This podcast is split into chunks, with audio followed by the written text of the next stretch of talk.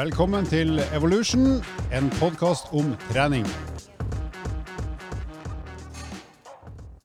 Hei og hei, da er vi tilbake igjen eh, i Evolution-studio. Vil si studioet i dag er oppe i Holmenkollen, der vi har eh, fått komme på besøk nok en gang til eh, Melina Meyer Magulas. Men eh, før vi skal snakke med henne, så tar vi en eh, runde rundt det nydelige bordet vi sitter rundt her, som er svart i teak, tror jeg.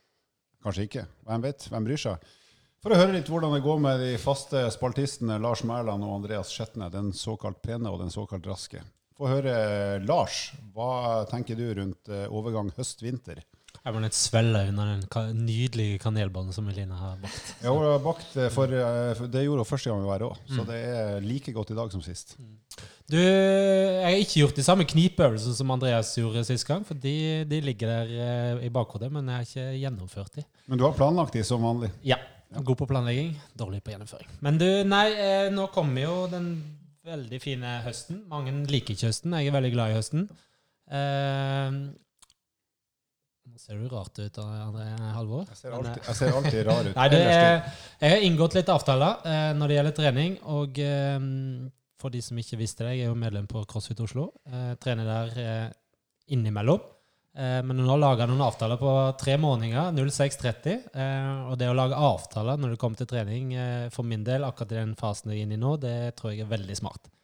Så nå er det straff hvis ikke man møter opp. Det er en tilnærma botkasse for de som kjenner til botkassesystemet for fotball og andre lagidretter. Så nå er det bare å møte opp. Ja. Og det blir artig. Bra. Og Andreas, hva tenker du om overgang høst-vinter? Ja, eh, det har jo blitt mye løping. Det, det pleier å bli på høsten. Eh, Noen år så har det jo vært mulig å løpe hele veien frem til, eh, til nyttår, nesten. Nede i Oslo langs sjøen så er det ikke alltid at snøen setter seg.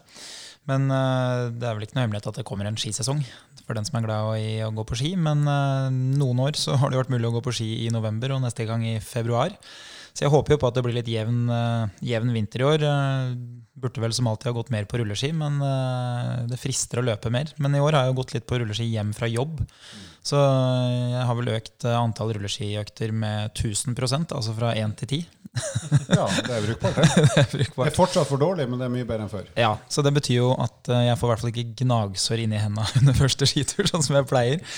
Men eh, nei, det, jeg liker å holde meg aktiv, men en av de tingene som gjør at det er lett å trene mye, er jo òg hvis man følger sesongen, så, så skaper det litt variasjon. Så når man da går i gang med langrenn, så, så har man på en måte et par måneder foran seg hvor man blir bedre hver gang. I hvert fall hvis man har eh, litt erfaring. Så mm, jeg gleder meg egentlig til det. Så får man se. Jeg tenkte jeg skulle prøve å runde av løpssesongen en gang i november. Med, se om det er mulig å bruke formen til å sette noen perser før jeg er ferdig. Hva skal du gjøre der, eh, Halvor? Nei, Når vinteren kommer, og det er ikke lenge til, så er jeg jo blitt så glad i å sykle at jeg ender nok fort opp med å sitte og trø litt inne i, nede i kjelleren. Men jeg må jo ut på ski òg, for det har jeg jo egentlig brukt eh, mye tid på de siste årene. Men jeg har, som Andreas, ikke vært på rulleski nesten i det hele tatt. Vil si, jeg har ei økt, og du har ti, så jeg er ikke i rute i det hele tatt. Eh, Og har nesten ikke staka på maskinen heller, så jeg tror kanskje jeg skal ta Det her skal bli vinteren der jeg prøver meg på skøyting. For der er jeg så dårlig at eh, hvert skøytetak gjør at jeg blir ganske mye bedre enn før. Så jeg tipper det faktisk blir noe sånt.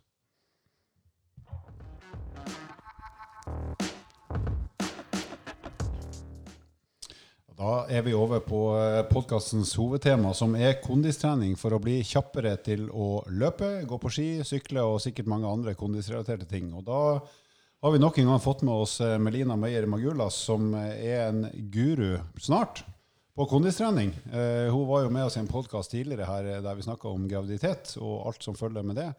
Men nå er du her i rollen som eh, kondisjonsekspert.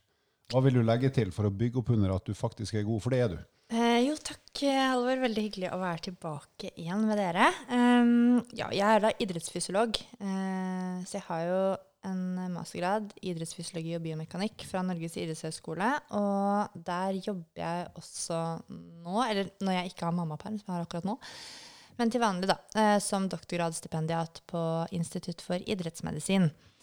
Eh, og så er jeg jo veldig glad i dette som har med skal si, det, altså fysiologisk tilpasning til trening. Veldig interessert i hjertet og det sirkulatoriske. Så dette her med kondisjon og utholdenhet, det ligger ja, mitt hjerte, da. Eh, veldig nært. Eh, eh, både liksom fra folkehelseperspektiv, men også fra prestasjonsperspektivet, med tanke på at jeg er veldig glad i å løpe og gå på ski, gjerne med startnummer på brystet selv. Du, Hva er doktorgraden din, eh, hva er hovedtemaet for den? Eh, Det er, innenfor, det er mer folkehelserelatert. eh, Så det handler bl.a. om hvilke faktorer er det som Eller det handler om risikofaktorer for kardiometabolsk sykdom ved inaktivitet. Så jeg skal rett og slett forske på hvor dårlig det går med oss når vi er eller for lite aktive, og hva som eventuelt kan sånn rent akutt reversere de negative effektene. Og der har du en teori om at trening er ganske lurt? Eller? Jeg har, jeg tenker, vi vet jo at det, er, at det er veldig lurt, at fysisk aktivitet er smart. Eh, så er det jo spørsmål Det som vi ikke vet så mye om, er hvilke doser, hva slags type, hvilken intensitet eh, faktisk. Så det her må man eh, forske litt mer, da. Så da skal jeg prøve å finne på noe smart. Jeg syns du er ganske ydmyk. Det er òg viktig å få med at du er en idrettsutøver. eller Kanskje ikke akkurat nå, eh, med tanke på at du er mammaperm, men òg en utøver på høyt nivå i forhold til langrenn og til dels løping. Ja, jeg er faktisk- Faktisk mye bedre på å løpe enn eh, på langrenn, men det er, vi er jo verdens eh, beste langrennsnasjon her i Norge, så det har, har nok litt med det å gjøre òg. Men så det er alltid veldig sånn mestringsfølelse for meg når vi kommer tilbake til løpesesongen og resultatlistene liksom er litt mer i min favør. Um, og akkurat det kommer vi sikkert litt tilbake til hvorfor det er sånn i dagens tema. Men um, ja, jeg går jo langrenn aktivt. Jeg går i Lien ski, og så går jeg for Hellas, siden jeg er halvt gresk. Så jeg satser da det jeg har i livet mitt, jeg, på å eh, komme meg til mesterskapet. Jeg har fått med meg tre VM, og sist VM i Seefeld, som var hvor jeg da klarte å gjøre min beste prestasjon på ski noensinne. Så da var det jo klaff med formen og formtoppinga. Eh, og nå er det jo comeback, da, eh, etter å ha født barn og driver og bygger meg opp igjen. Og eh, det er en veldig spennende prosess. Mm. Så målet nå er jo å prøve å få vært med i OL i Beijing. Kult. Det kan hende vi sitter rundt bordet med en OL-deltaker, og da er det ingen av oss gutta vi snakker om. Vi får det se. Det er mye vanskelig å komme seg til OL enn til VM, men eh, jeg, tenker, jeg har det så gøy med å prøve, da. Altså, veien er liksom målet også. Så bare det å Om jeg skulle klare det, eller om jeg ikke skulle klare det Om jeg klarer det, er en superbonus. Og hvis jeg ikke klarer det, så vet jeg at jeg har fått masse bra treningsopplevelser og konkurranseopplevelser på veien. Min opplevelse er at det er mye vanskeligere å komme seg til kretsmesterskap enn klubbmesterskap. Det var å sette seg i bilen og kjøre av gårde. Bra. du, Det vi skal snakke om, er jo kondisjon. og eh, Vi skal jo snakke om det her på alle nivåer. og Da eh, tenker jeg altså, om du har lyst til å bare bli bedre enn du er nå, eller om du har lyst til å prøve å bli ordentlig god på, i den aldersklassen du er i, eller i, egentlig hva som helst slags utgangspunkt. Så da tenker jeg vi begynner med hva er det som er eh, Hva skal til for å bli raskere i kondisjonsaktivitet generelt, nesten uansett nivå? Hva er det liksom som alltid betyr mye? Å bli bedre fysisk trent, rett og slett. Å bli bedre trent. Og den faktoren som kanskje har mest å si når det gjelder å bli bedre fysisk trent, det er eh, det som vi kaller for kondisjonstallet vårt, eh, VO2 max. Det å øke kroppens maksimale evne for å ta opp og transportere og bruke oksygen. Det er rett og slett kondisen. Det, er, det vil ha mest å si på tvers av aktivitetsformer, hvis, ja, hvis vi skal velge én ting, da. Og hvis sånn enkelt sagt, Jo mer oksygen kroppen er i stand til å på en måte ta opp fra blodet, jo, mer enn, eh, jo større kraft og fart kan du skape i muskulaturen. Ja, ikke sant? Det er, jo, det er jo sånn det henger sammen. Du, din, din flyttbarhet blir bedre, rett og slett, når du får eh, bedre kondisjon. Og Hva er det man skal trene på? da? Hva slags del av kroppen er det som betyr mest da? Eh, hvis du tenker del av kroppen det, Først og fremst så er det jo hjertet som må trenes. Det er jo motoren i kroppen. Så da Og for å stimulere og belaste den, så er det, da er det kondistrening som skal gjøres for å få bedre kondisjon. Og da er jo det øvelser, bevegelser som er dynamiske og store. Ofte liksom sykliske, at er repeterte. Eh, så det kan jo være alt fra eh, å gjøre kettlebell swing til å løpe. Eh, men det må involvere store muskelgrupper for at, hjertet skal få, at kravet på hjertet skal øke. Da, at pumpekapasiteten må opp på treninga. Ja, så du må bruke store, store deler av kroppen i de bevegelsene Ja. du trene når du skal gjøre noe med hjertepumpa? Du kan jo, liksom, du kan jo utholdenhetstrene bicepsen din. Biceps er alltid sånn go to. Eh, men du kan jo det ikke sant? ved å gjøre mange repetisjoner og såkalt kondisjonere bicepsmuskulaturen. Men det gjør ingenting for hjertet å sitte og gjøre 18 biceps curl. For du får ikke så veldig høy puls av det. Så du må rett og slett eh, liksom, få gira opp kroppen sånn at eh, pulsen øker, og at hjertet må slå kraftigere. Jeg liker at du bare ser på meg når du sier biceps. Jeg så veldig på det, da. Det er for at du har så svært skjegg med Lars. Ja, det var derfor.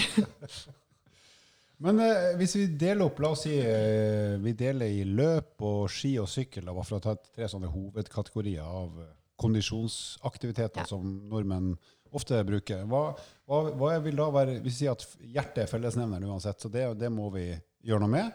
Men hva er det da som skiller de tre fra hverandre, hvis du liksom spesifikt skal bli god i enten løp, ski eller sykkel? Ja, det, er, altså det hjelper jo uansett å få bedre kondis. Det, det vil uansett hjelpe. Men for å få utnyttet uh, den, den bedre kondisjonen din uh, maksimalt, da, så må du også kunne bevegelsen relativt godt. Uh, sånn at teknikken vil jo være med å påvirke hvor mye av kondisjonen din du klarer å få brukt under selve arbeidet. Sånn at det enkleste Altså de fleste eh, klarer kanskje enklest å få opp kondisjonen sin ved løp eller sykling. Eh, alle kan løpe. Mange tror ikke de kan løpe, men alle mennesker er eh, skapt for å løpe på et eller annet plan. Og hvis man ikke kan det per nå, så kan det læres. Eh, og eh, eh, sykling det handler jo bare om å sitte og tråkke og skape kraft ned i pedalene. Meget enkel bevegelse, og særlig på ergometersykkel. Da slipper du å bekymre deg for både trafikken og utforbakker og det som er. Så det er jo veldig sånn teknisk enkle eh, bevegelser for oss. Løp er det mest naturlige, og sykkel er veldig enkelt å lære seg. Vi lærer det jo når vi er små. Mens langrenn er eh, mye mer teknisk og komplekst. Sånn at um, for mange så vil det kanskje være vanskeligere å få den skikkelig gode kondistreningen hvor du får brukt, som du sa, masse kraft ut i muskulaturen og kraft som du utøver på omgivelsene i langrenn, med mindre du er sånn høvelig grei teknisk. Ja, så Oppsummert så langt, hvis du skal trene hjertet og kondisjonen din, så må du gjøre bevegelser som, der du bruker store deler av kroppen, men også bevegelser som du får til. Ja. Så løp klarer alle å få til, eller eventuelt gå, ikke sant? Og sykkel kan alle, for det er strengt tatt bare å trø. Ja. Uh, mens det å gå på ski med staver og ski som beveger seg litt frem og tilbake og sånn, det, hvis du ikke kan det godt teknisk, så er ikke det den optimale måten å begynne å trene formen på. Og samme som eksempel um, hvis vi tar idretten crossfit, da, så er det jo eh, veldig mange komplekse øvelser som inngår i, i det. Det er jo også løping og, og sykling og, og sånt noe der, men der har du f.eks. Eh, øvelser fra vektløfting.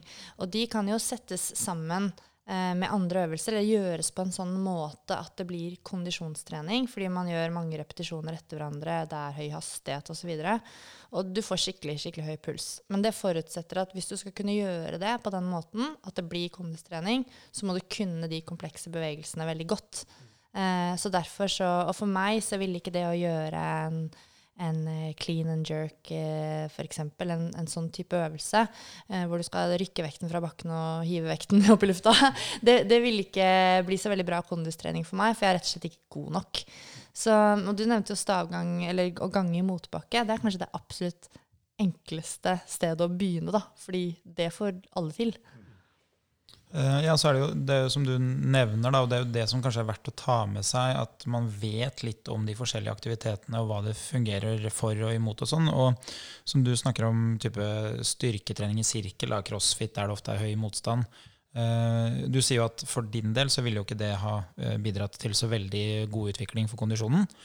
Og det er jo to faktorer man ofte ikke ser så mye på, men i ditt tilfelle så det vil ikke være nok til å være mer enn det du er i stand til i andre idretter. Så Derfor så vil du i utgangspunktet ikke få bedre kondisjon eh, fordi du ikke er god nok i crossfit-øvelsene.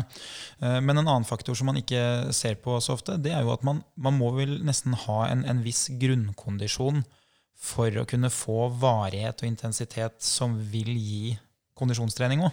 Så hvis du tar en helt utrent person, så, så vil kanskje utgangspunktet være såpass uh, dårlig at uh, det er en veldig lite gunstig måte å trene kondisjon på. Ja, eh, det er veldig godt poeng. fordi eh, hvis vi tar de veldig godt kjente fire ganger fire-studiene, da, som eh, eh, primært er gjort av Helge Råhoff og på NTNU, eh, og det er jo en type sånn øktprotokoll. Det med å eh, jobbe i fire minutter, ha pause i to til tre minutter og jobbe i fire minutter igjen, som, som har blitt brukt både på alt fra idrettsutøvere, men også helt ned til kolspasienter. Men de som er idrettsutøvere, de løper disse intervallene på veldig høy fart, enten flatt eller i motbakke, mens en kolspasient går kanskje på flat bakke, men trener fortsatt like fullt fire ganger fire. Men aktivitetsformen er justert til nivået. Eh, og det, det, gjør jo at i de, akkurat det tilfellet, eller eksempelet med fire ganger fire, så kan man trene samme volum, og man kan trene på samme relativ intensitet, altså prosent av makspuls, men det ytre arbeidet er jo veldig forskjellig. Eh, og, og, kraften som trengs for å gjennomføre de, de forskjellige arbeidene. Sånn at, eh, og det tar meg også litt videre til at når man skal f.eks. gjennomføre sånn intervall som løp, så må man gjøre det på sine egne premisser. Det er veldig mange som spør meg hvilke hastigheter jeg løper på, f.eks. Hvis jeg legger ut på sosiale medier at jeg har løpt en eller annen intervall. Det er virkelig ikke relevant for noen andre enn meg hvilken hastighet jeg har løpt på. Fordi at uh, jeg må jo løpe på den belastningen som gjør at jeg får 90% av min makspuls, og så må du velge den som gir deg din, 90% av din makspuls. Mm. Uh, prøv meg på en liten oppsummering til. Altså, når du skal trene hjertet, som er, liksom en, den er alltid viktig, så må du bruke store deler av kroppen, og du må gjøre bevegelser du kan. Så for de aller fleste så betyr det gå i motbakke, eller løpe i motbakke, eller løpe flatt med ganske høy fart. Litt for, i forhold til hva du er god for. Den, den er bankers. Mm. Og så når vi da skal trene den muskulaturen har, som må brukes for å skape fart, enten vi skal sykle eller gå på ski eller løpe, da er vi mer oppe at da må du gjøre den bevegelsen du, du skal trene på. Så hvis du da skal primært bruke det her hjertet ditt til å sykle fort, så er du nødt til å sitte og sykle ganske mange timer for at muskulaturen i beina skal bli god til akkurat den bevegelsen. Ja, for du har liksom to komponenter her. Da. Du har jo hjertet som eh, skal pumpe og distribuere blod ut, eller pumpe ut blod i blodårene som skal distribuere blod rundt. Og så blir jo det blodet sendt til muskulaturen som spør etter oksygen. Og så blir det nærmest sånn tilbudt. Mm. Eh, jeg merker at du trenger litt oksygen. Her ja, takk, har vi litt, ja, for, litt, oksygen som farer forbi her. Men muskulaturen din må også være i stand til å ta imot og bruke det oksygenet og de eh, næringsstoffene det blir tilbudt. Og, og, og da eh, sant, Du kan ha så godt trent hjerte du bare vil, men hvis ikke muskulaturen din er utholdenhetstrent, mm. eh, som da krever noen timer på sykkel, hvis det er det som gjelder, så, så hjelper det lite. Fordi da blir du kanskje god på intervalltrening, men hvis du ønsker å bli øke prestasjonsevnen din på langdistanse, da, så må du trene utholdenhet og, og trene litt mer rolige langkjøringer og moderate økter og sånn. Så det er egentlig oppsummert det er spesifisitetsprinsippet som yes. utgangspunktet for de som kjenner litt mer om kondisjonstrening? Mm, fordi kondisjon er um, Vi måler ofte kondisjon hvis vi måler i lab, så måler vi ofte på løp eller sykkel. Mm. Men det er arbeidsspesifikt. Det er det. Men det, det, er bare for å spesifisere litt til. da, når du, altså I og med at alle kan løpe og sykle på et hyfsa nivå teknisk, så, så, de to måtene å trene både hjerte og spesifikk muskelbruk på, det funker bra. Men hvis du da har lyst til å bli god på ski, og så vet du at akkurat nå er jeg skikkelig dårlig teknisk, så jeg må rett og slett øve meg på teknikk. Så da må du legge tida på å lære deg å gå på ski, men så må du også ha noen økter der du beveger deg så enkelt at du kan jobbe så hardt at hjertet får trening. Og da kan det kanskje være et alternativ å løpe i en stund for å bygge form, samtidig som du bruker mye tid på å rett og slett lære deg å gå på ski, sånn at du liksom ikke mister form samtidig som du prøver å øve deg på mm. skiteknikk. Det du beskriver der, er jo liksom min oppskrift til VM-formen. Ja. Eh, fordi eh, ja, du har jo skrytt veldig av mine skiegenskaper, Halvor, og litt for mye, egentlig. Men jeg har fortsatt, har fortsatt veldig mye å hente på teknikken. Eh, så min løsning når jeg begynte å gå langrenn i voksen alder og skulle liksom begynne å konkurrere Står i samme rennene som Marit Bjørgen og Therese Johaug, liksom. så ble jo løsningen det at jeg løper intervaller hardt. Eh, og kanskje løper med staver innimellom, men de hardeste øktene de skal gjøre på løp, for der får jeg mest liksom, bang for my buck. Der får jeg veldig god kondisjonseffekt. Og kondisjon er det du trenger når du skal opp de motbakkene med ski og staver på beina. Uansett. Mm. Eh, og så er det liksom rolige langkjøringer eh, og også en del teknikkøkter som da blir til litt mer sånn moderate treningsøkter, for det er slitsomt å trene teknikk. eh, det blir liksom løsningen for å bli bedre teknisk. Og så etter hvert som eh, liksom, konkurransene nærmet seg litt, så tok jeg mer av de eh, harde løpeintervallene, som kunne være alt fra seks og fire minutters drag, kanskje tre og to minutter innimellom, over på ski. Men gjennom hele skisesongen så har jeg alltid beholdt eh, noen sånne skikkelig harde løpeøkter. For rett og slett fordi det er så god eh, kondistrening, da. Så det er din, igjen, nøkkeløktene dine som du legger opp til å spise formen. Ja. Ja. Og nå som jeg er blitt bedre på ski, så er flere av de øktene på ski eller rulleski. Men eh, går det noen år tilbake, så var så å si alle på løping. Kan du si noe om hvordan du strukturerer din egen trening? Kanskje ikke akkurat nå, men du er på vei tilbake til der du var. Eh, sånn i forhold til eh, periodisering og programmering og litt sånn intensitetsstyring Til vanlig, liksom. til vanlig. Mhm. Ja, eh, da er det jo som regel sånn at eh, skisesongen starter i mai. det høres jo rart ut, men eh, det gjør den. Og da 1. mai går startskuddet. Og da eh, er det ofte en periode hvor man trener ganske variert. Da er det fortsatt rom for sånne såkalte lekeøkter. Hvis du har lyst til å dra og spille tennis en dag, så gjør du det.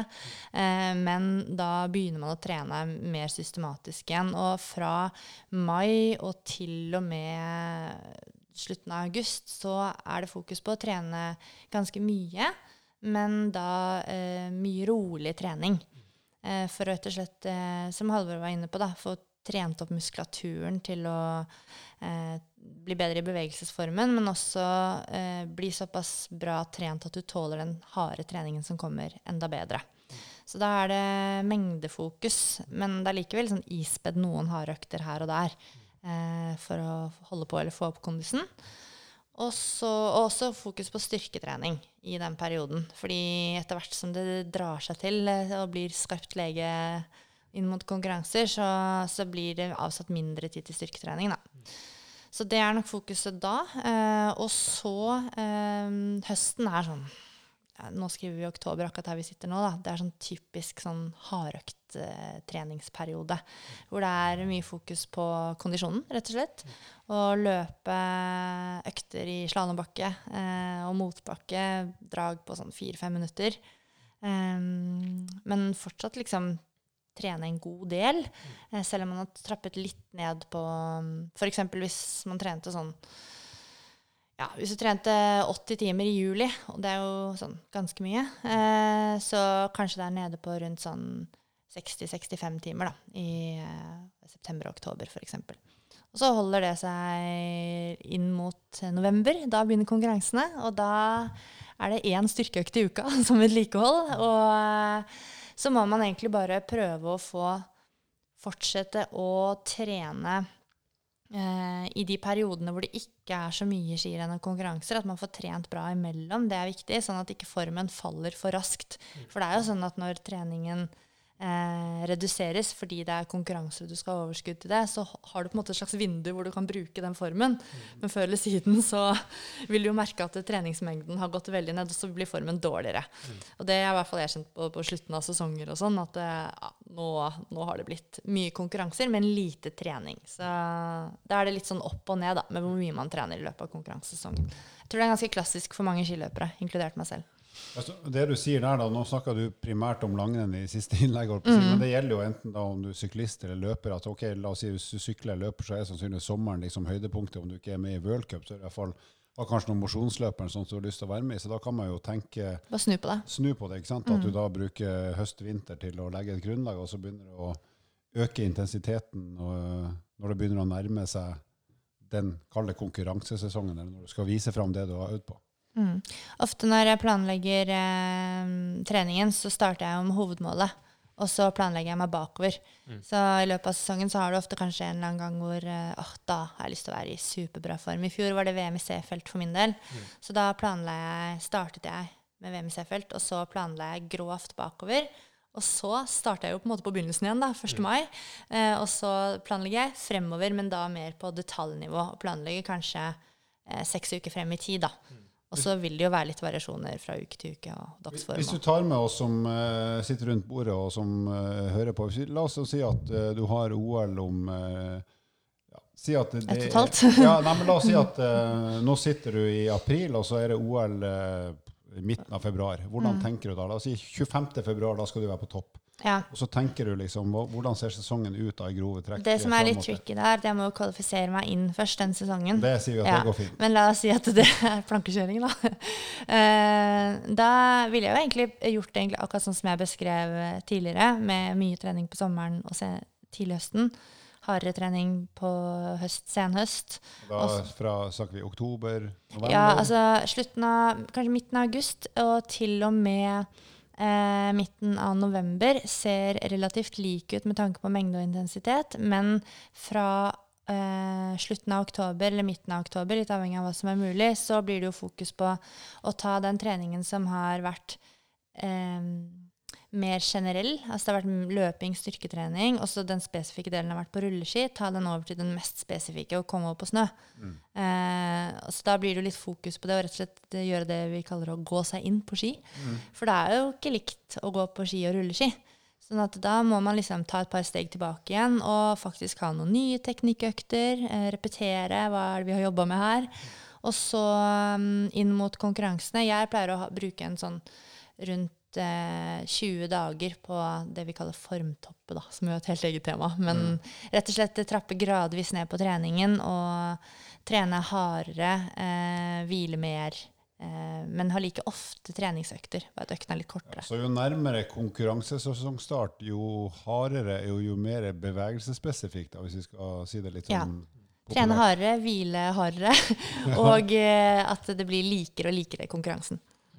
Og det er jo helt, Jeg kan jo trekke paralleller til min eh, karriere som landslagstrener i alpint, og det, det er akkurat det samme.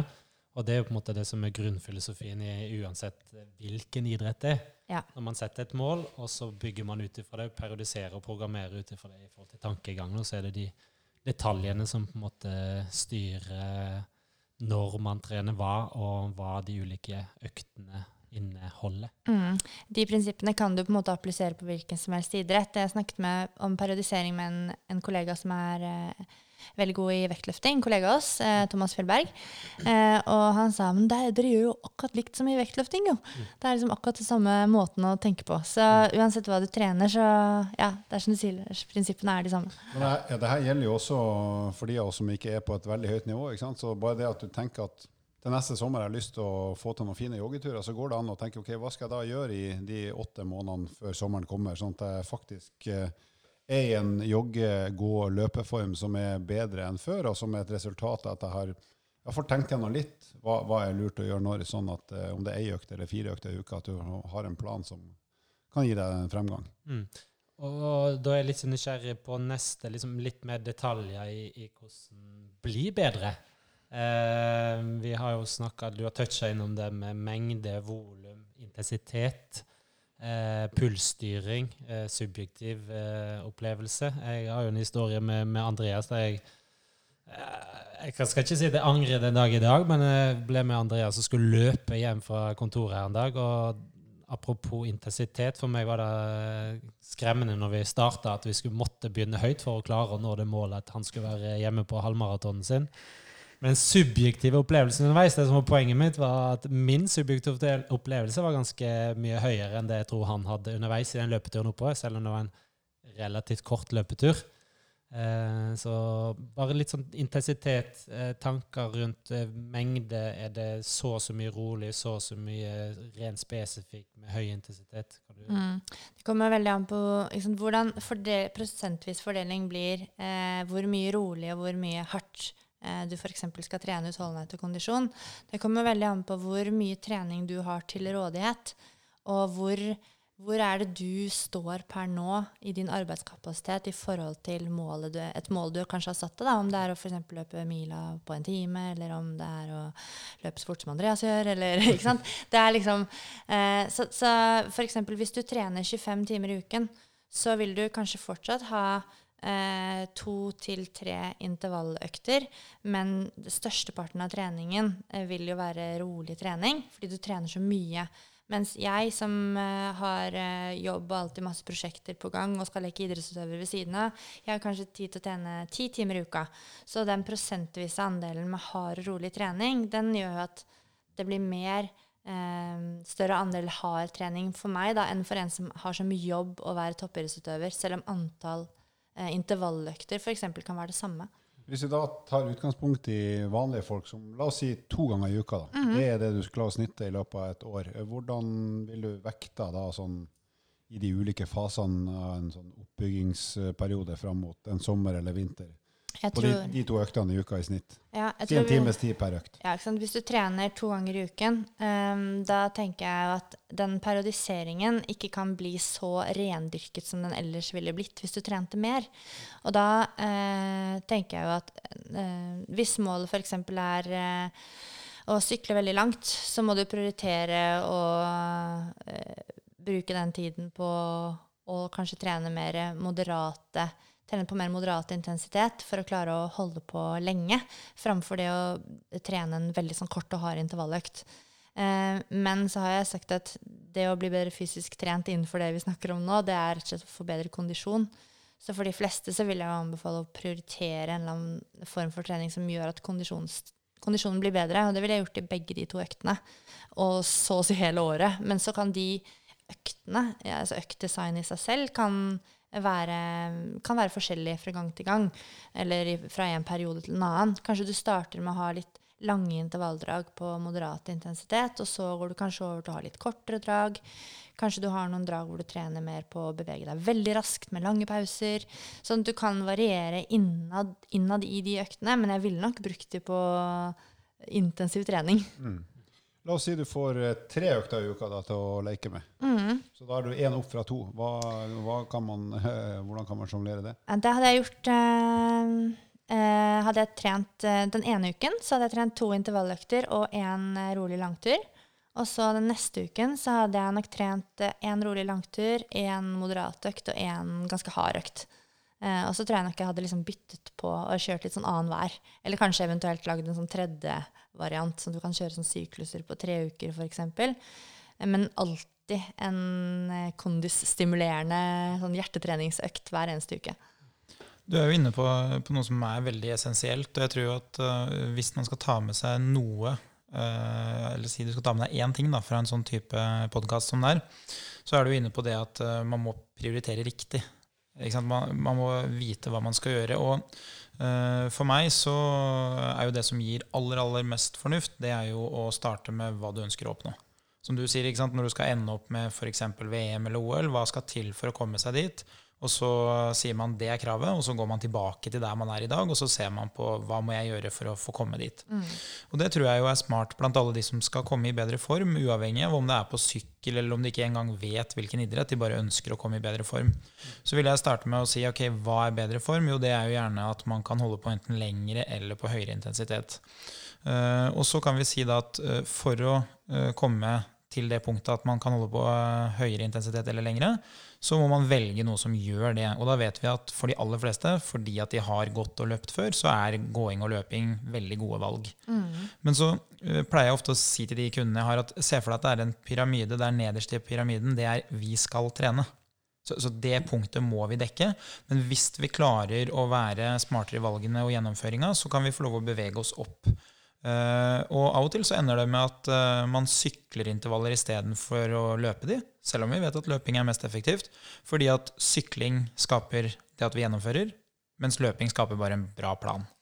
Uh, så mange bommer jo på det at de, de planlegger bra, men de, de, gjennomfører ikke fordi planen er ikke tilpassa det de ønsker å oppnå, og hvordan de skal kunne oppnå det. Ja, det er jo, altså Du kan planlegge så bra du bare vil, men det er gjennomføringen som eh, er nøkkelen. Og veldig mange er jo også interessert. ikke sant? Vi har jo snakket litt eh, nå Bare, Du må se på han Lars nå, for nå snakker du faktisk om Lars. Hei, Lars. Jeg snakker til deg. eh, eh, vi har jo snakket om eh, hvordan vi kanskje kan periodisere og planlegge treningen når man trener mot sånn veldig sånn prestasjonsmål. Um, og mange er interessert i hvordan, hvordan trener de beste, og man har å, man har ofte lyst til å gjøre litt sånn som de beste gjør. Uh, men i utgangspunktet så Hvis jeg hadde fått uh, treningsplanen til Og jeg har for så vidt tilgang til å titte på treningsplanene til noen av de som er de beste i verden i langrenn, f.eks. Men det er, det er, mye detaljer og, og, akkurat dette med hvordan de gjennomfører øktene, det vet ikke jeg noe om ved å bare lese på tall og hva de har gjort. Så det er, det er liksom det, gjennomføre. Eh, og så er det jo måten du gjennomfører på. Skal gjennomføres med god kvalitet. Det kan bety så mangt. Eh, ofte betyr det at du intensitetsstyrer, som du spurte litt om, Lars, da, intensitetsstyrer riktig. Sånn at du faktisk får den ønskede, det ønskede stimuli på den økten du skal ha. Over tid, så vil du, hvis du gjør det riktig hver gang, så vil du få en treningseffekt. Så mm, ja. Du er jo inne på noe her som, um, som har vært en utvikling som i hvert fall jeg har observert uh, de siste si, 15 årene. Da, når uh, tilgangen via nett og sosiale medier har blitt større, så, så, ser man som du sier at man ønsker å se til de beste. Uh, så vet man nå at en del studier gjøres på de som har tilgang til tid, eller som er eliteutøvere, som har mulighet til å stille. Og Du var inne på en, en ting i stad som ofte er en aha-opplevelse. At for deg som trener mindre i tid, så har du en større andel med harde økter. Mm. Uh, og det var jo en sånn fallgruve for en, for en ti år siden blant de som gikk Birken f.eks. At uh, de så at de aller aller beste de hadde et visst antall uh, økter, altså en viss prosent med hardøkter.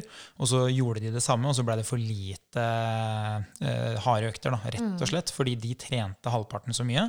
Og da blei det ikke noe særlig fart på, på hjertet.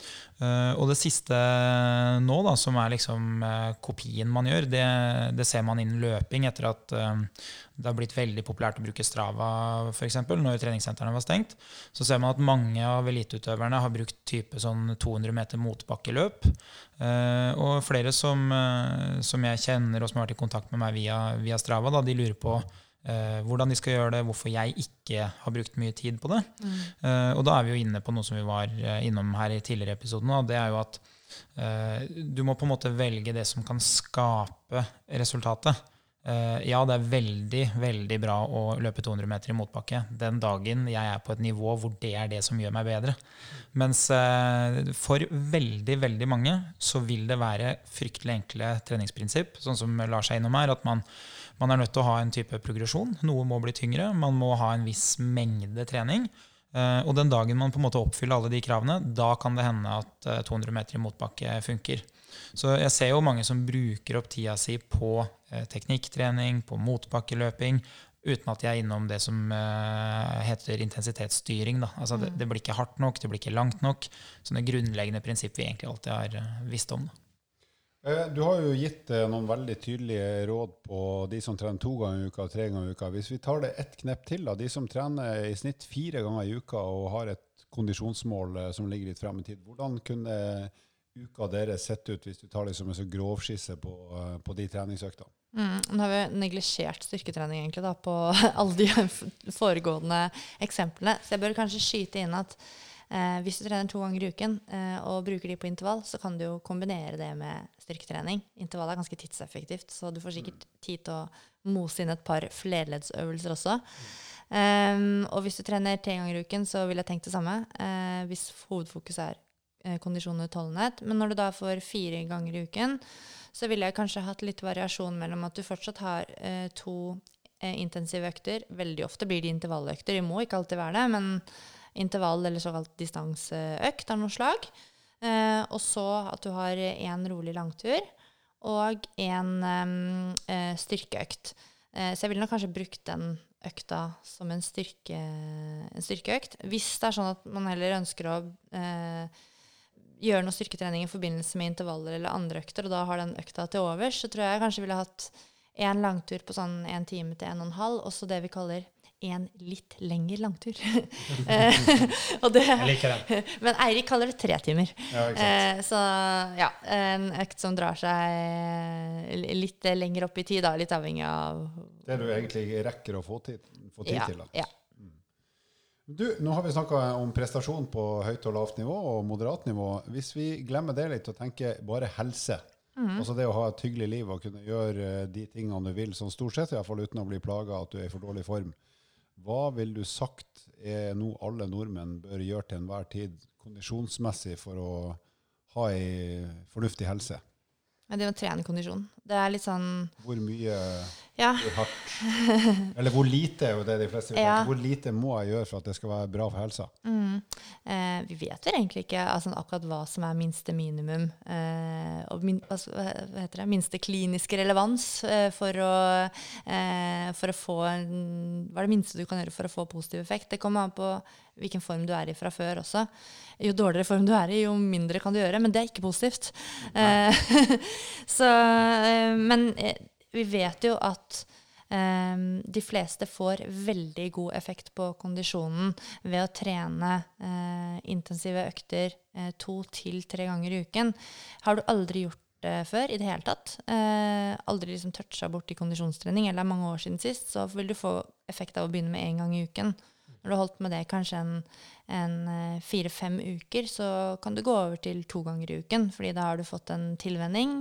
Eh, du får kanskje fortsatt effekt, men du vil få ytterligere effekt av å legge til én gang i uken. Så er det mange studier som eh, viser til at de har en frekvens på tre ganger i uken. Det, det, men jeg vil si at hvis du klarer to ganger i uken med litt pust og pes, i rundt en sånn 10 til eh, 17 minutter et eller annet sted, så vil du få god eh, kondisjonseffekt. Og det er veldig viktig fordi at kondisjonen har nær sammenheng med hvor lenge vi lever. Eh, det, har, det er en veldig viktig faktor som har sammenheng med med andre, ja, med det som vi kaller for all cause mortality på fagspråket. Men det handler om dødelighet.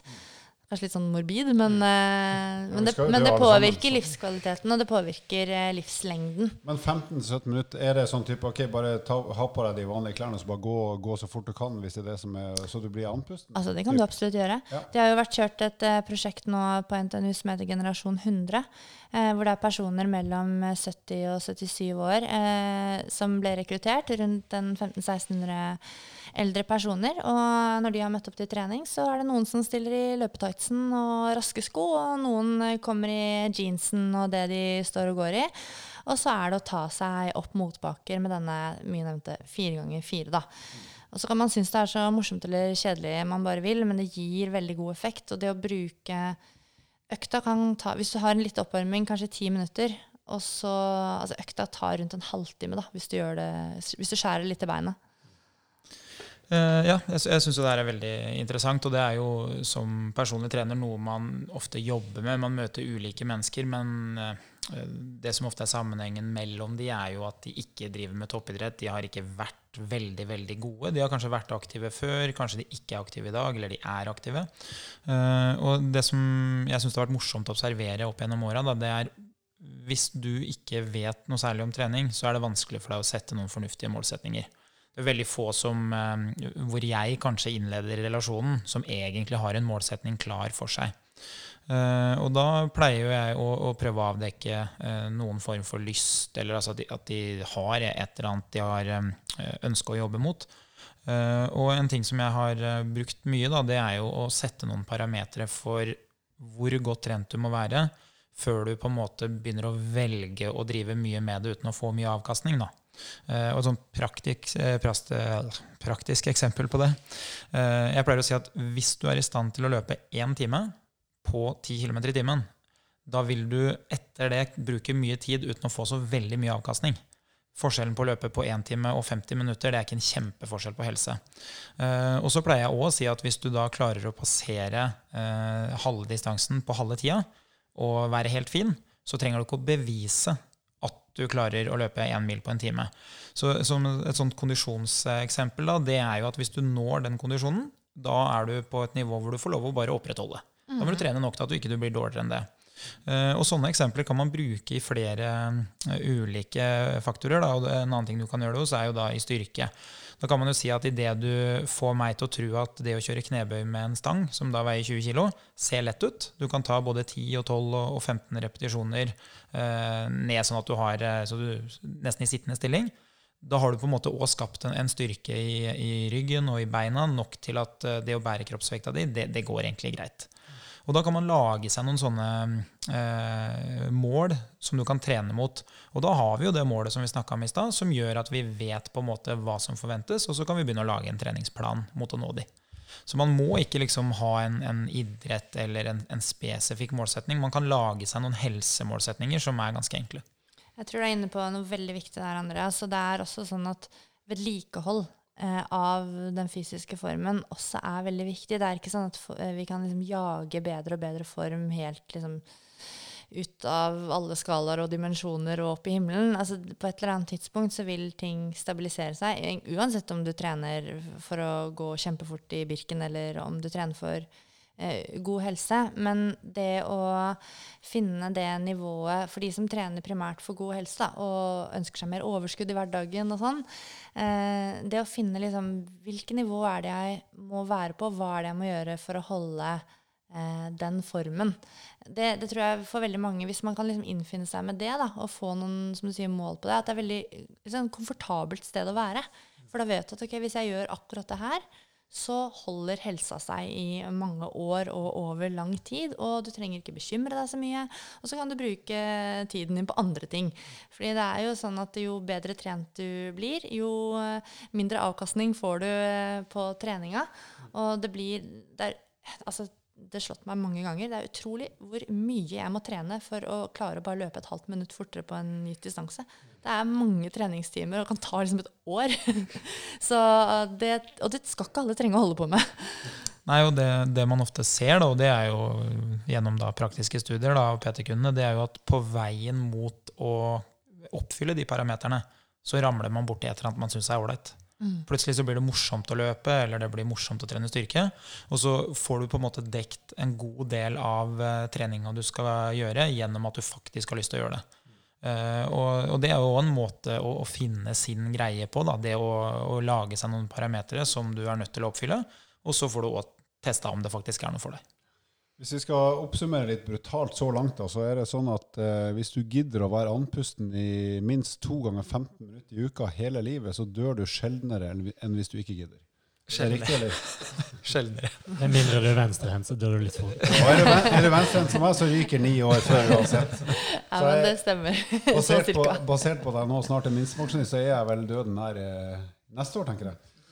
Eh, du, eh, ja, Melina, en liten kommentar ja, til deg. Det er jo mange som eh, sant, har sånn helt middels minner fra dette med kondisjonstrening, fra gymtimer og eh, Jeg opplever i hvert fall både som foreleser og som trener at det er mange som ikke velger kondisjonstrening, enten ikke velger å jobbe med det som trener, eller at man nedprioriterer det fordi at eh, man faktisk har dårlige erfaringer fra barndommen og, og ungdomsårene. Eh, og jeg tror nok mye av det ligger i at man ikke har fått gjennomføre det på eh, sine egne premisser. Og, og, selv om man får gjøre det på sine egne premisser, så altså, skal vi være så ærlige at altså, nå sitter vi her eh, vi som sitter her, vi digger det ganske hardt. da. Jeg vet ikke med Lars, men alle oss andre. Så vi syns det er veldig gøy å holde på med, men det er jo ikke alle som syns det. Og det er måter å liksom hacke det litt på. For mange så er det faktisk det å få seg en pulsklokke og lære seg å bruke og, intensitetsstyre basert på puls og få feedback. Og nå har klokkene blitt sånn at det gir omtrent tommel opp. Eh, Strava kan være morsomt eh, for mange, man, og man kan få mange tips til eh, økter. Og det er et community, hvis man eh, liker sånt. Um, og ja, så det er, det er liksom måter å, Og selvfølgelig, du må ikke løpe, sykle eller gå på ski. Du kan også bruke sirkeltreninger og andre bevegelsesformer Eh, så det fins alltid en eller annen måte du skal få forbedret kondisen din på. Um, men jeg vil bare ja, skyte inn egentlig det der med uh, pulsklokke og liksom bruke teknologien da, uh, til å både få feedback på fremgang og kunne følge litt med på hva, som, hva det egentlig som skjer. Melina, nå skal vi utfordre deg når vi avslutter temaet her. og det er rett og slett Beskriv din all time favorittøkt som du på en måte aldri gir slipp på inntil du går i grava? Hvordan ser den ut? Ja, Det er veldig enkelt. Eh, det er eh, fem ganger fem minutter med to til to og et halvt minutt pause. Løping i motbakke i eh, høy sone fire, dvs. Si rundt 90% av makspuls. Uh, sånn ser den ut. Du kommer jo aldri til å dø du, hvis du gjør det resten av livet. Nei, jeg skal få holde en stund. Hvis du ikke dør av det, da. ah, Døde i motparten. ja, bra. Tusen takk skal du ha, Melina. Dette har vært lærerikt for alle rundt bordet og alle som sitter og hører på. Nå skal vi ha litt lyd, og så avslutter vi med noen fun facts.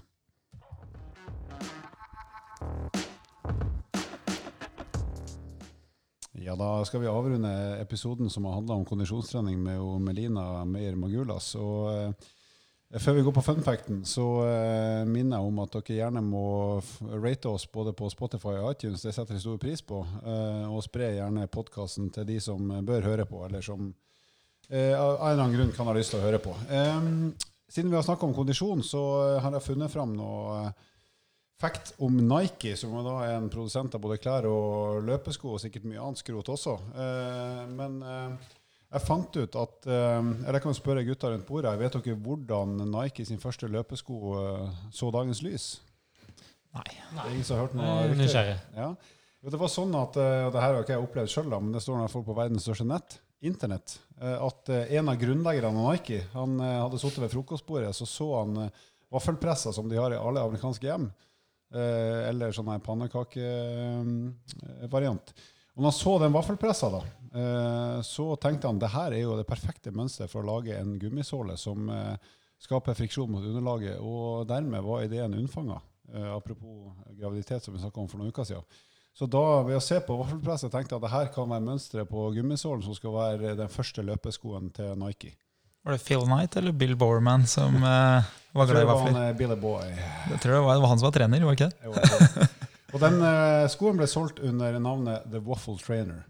Og når vi er inne på det med vafler, så skal jeg ikke snakke om hvor mange vafler jeg har klart å spise eh, på ett uh, kaffeselskap, som for så vidt er 52, men det var ikke det jeg skulle si. Det var at uh, For de som kjenner til styrketreningsutstyr, så er Eleico en produsent av vektløfterstenger. Uh, det er svensk merke, som er vel den stanga som er satt flest verdensrekorder i vektløfting og, og styrkeløft med. Og de også brukte vaffelpressemønster som eh, inspirasjon når de lagde grepet til sine vektløfterstenger tilbake igjen på 50- og 60-tallet. Bare så det er sagt. Har ingen relevans for temaet, men eh, kanskje litt fun, kanskje litt fact. Har det noen relevans for temaet at du egentlig er mest glad i Adidas? Nei, jeg må prøve å finne Adidas facts, for jeg hater jo egentlig alt som er amerikansk. Nei, jeg gjør ikke det, men jeg liker jo alt som er tyskprodusert. Ja, neste, etter, 45. Neste gang kan vi jo ta familiestriden mellom eh, Adi og Rudi. Det kan vi gjøre. Er det noen av dere gutter som vil lage en la, uh, rar lyd før vi avslutter? Sayonara. Meget bra. Send inn spørsmål til oss på EVO Fitness. Vi fins både på Instagram og Facebook. Og vær grei å abonnere på eh, podkasten på Apple Podkast eller Spotify.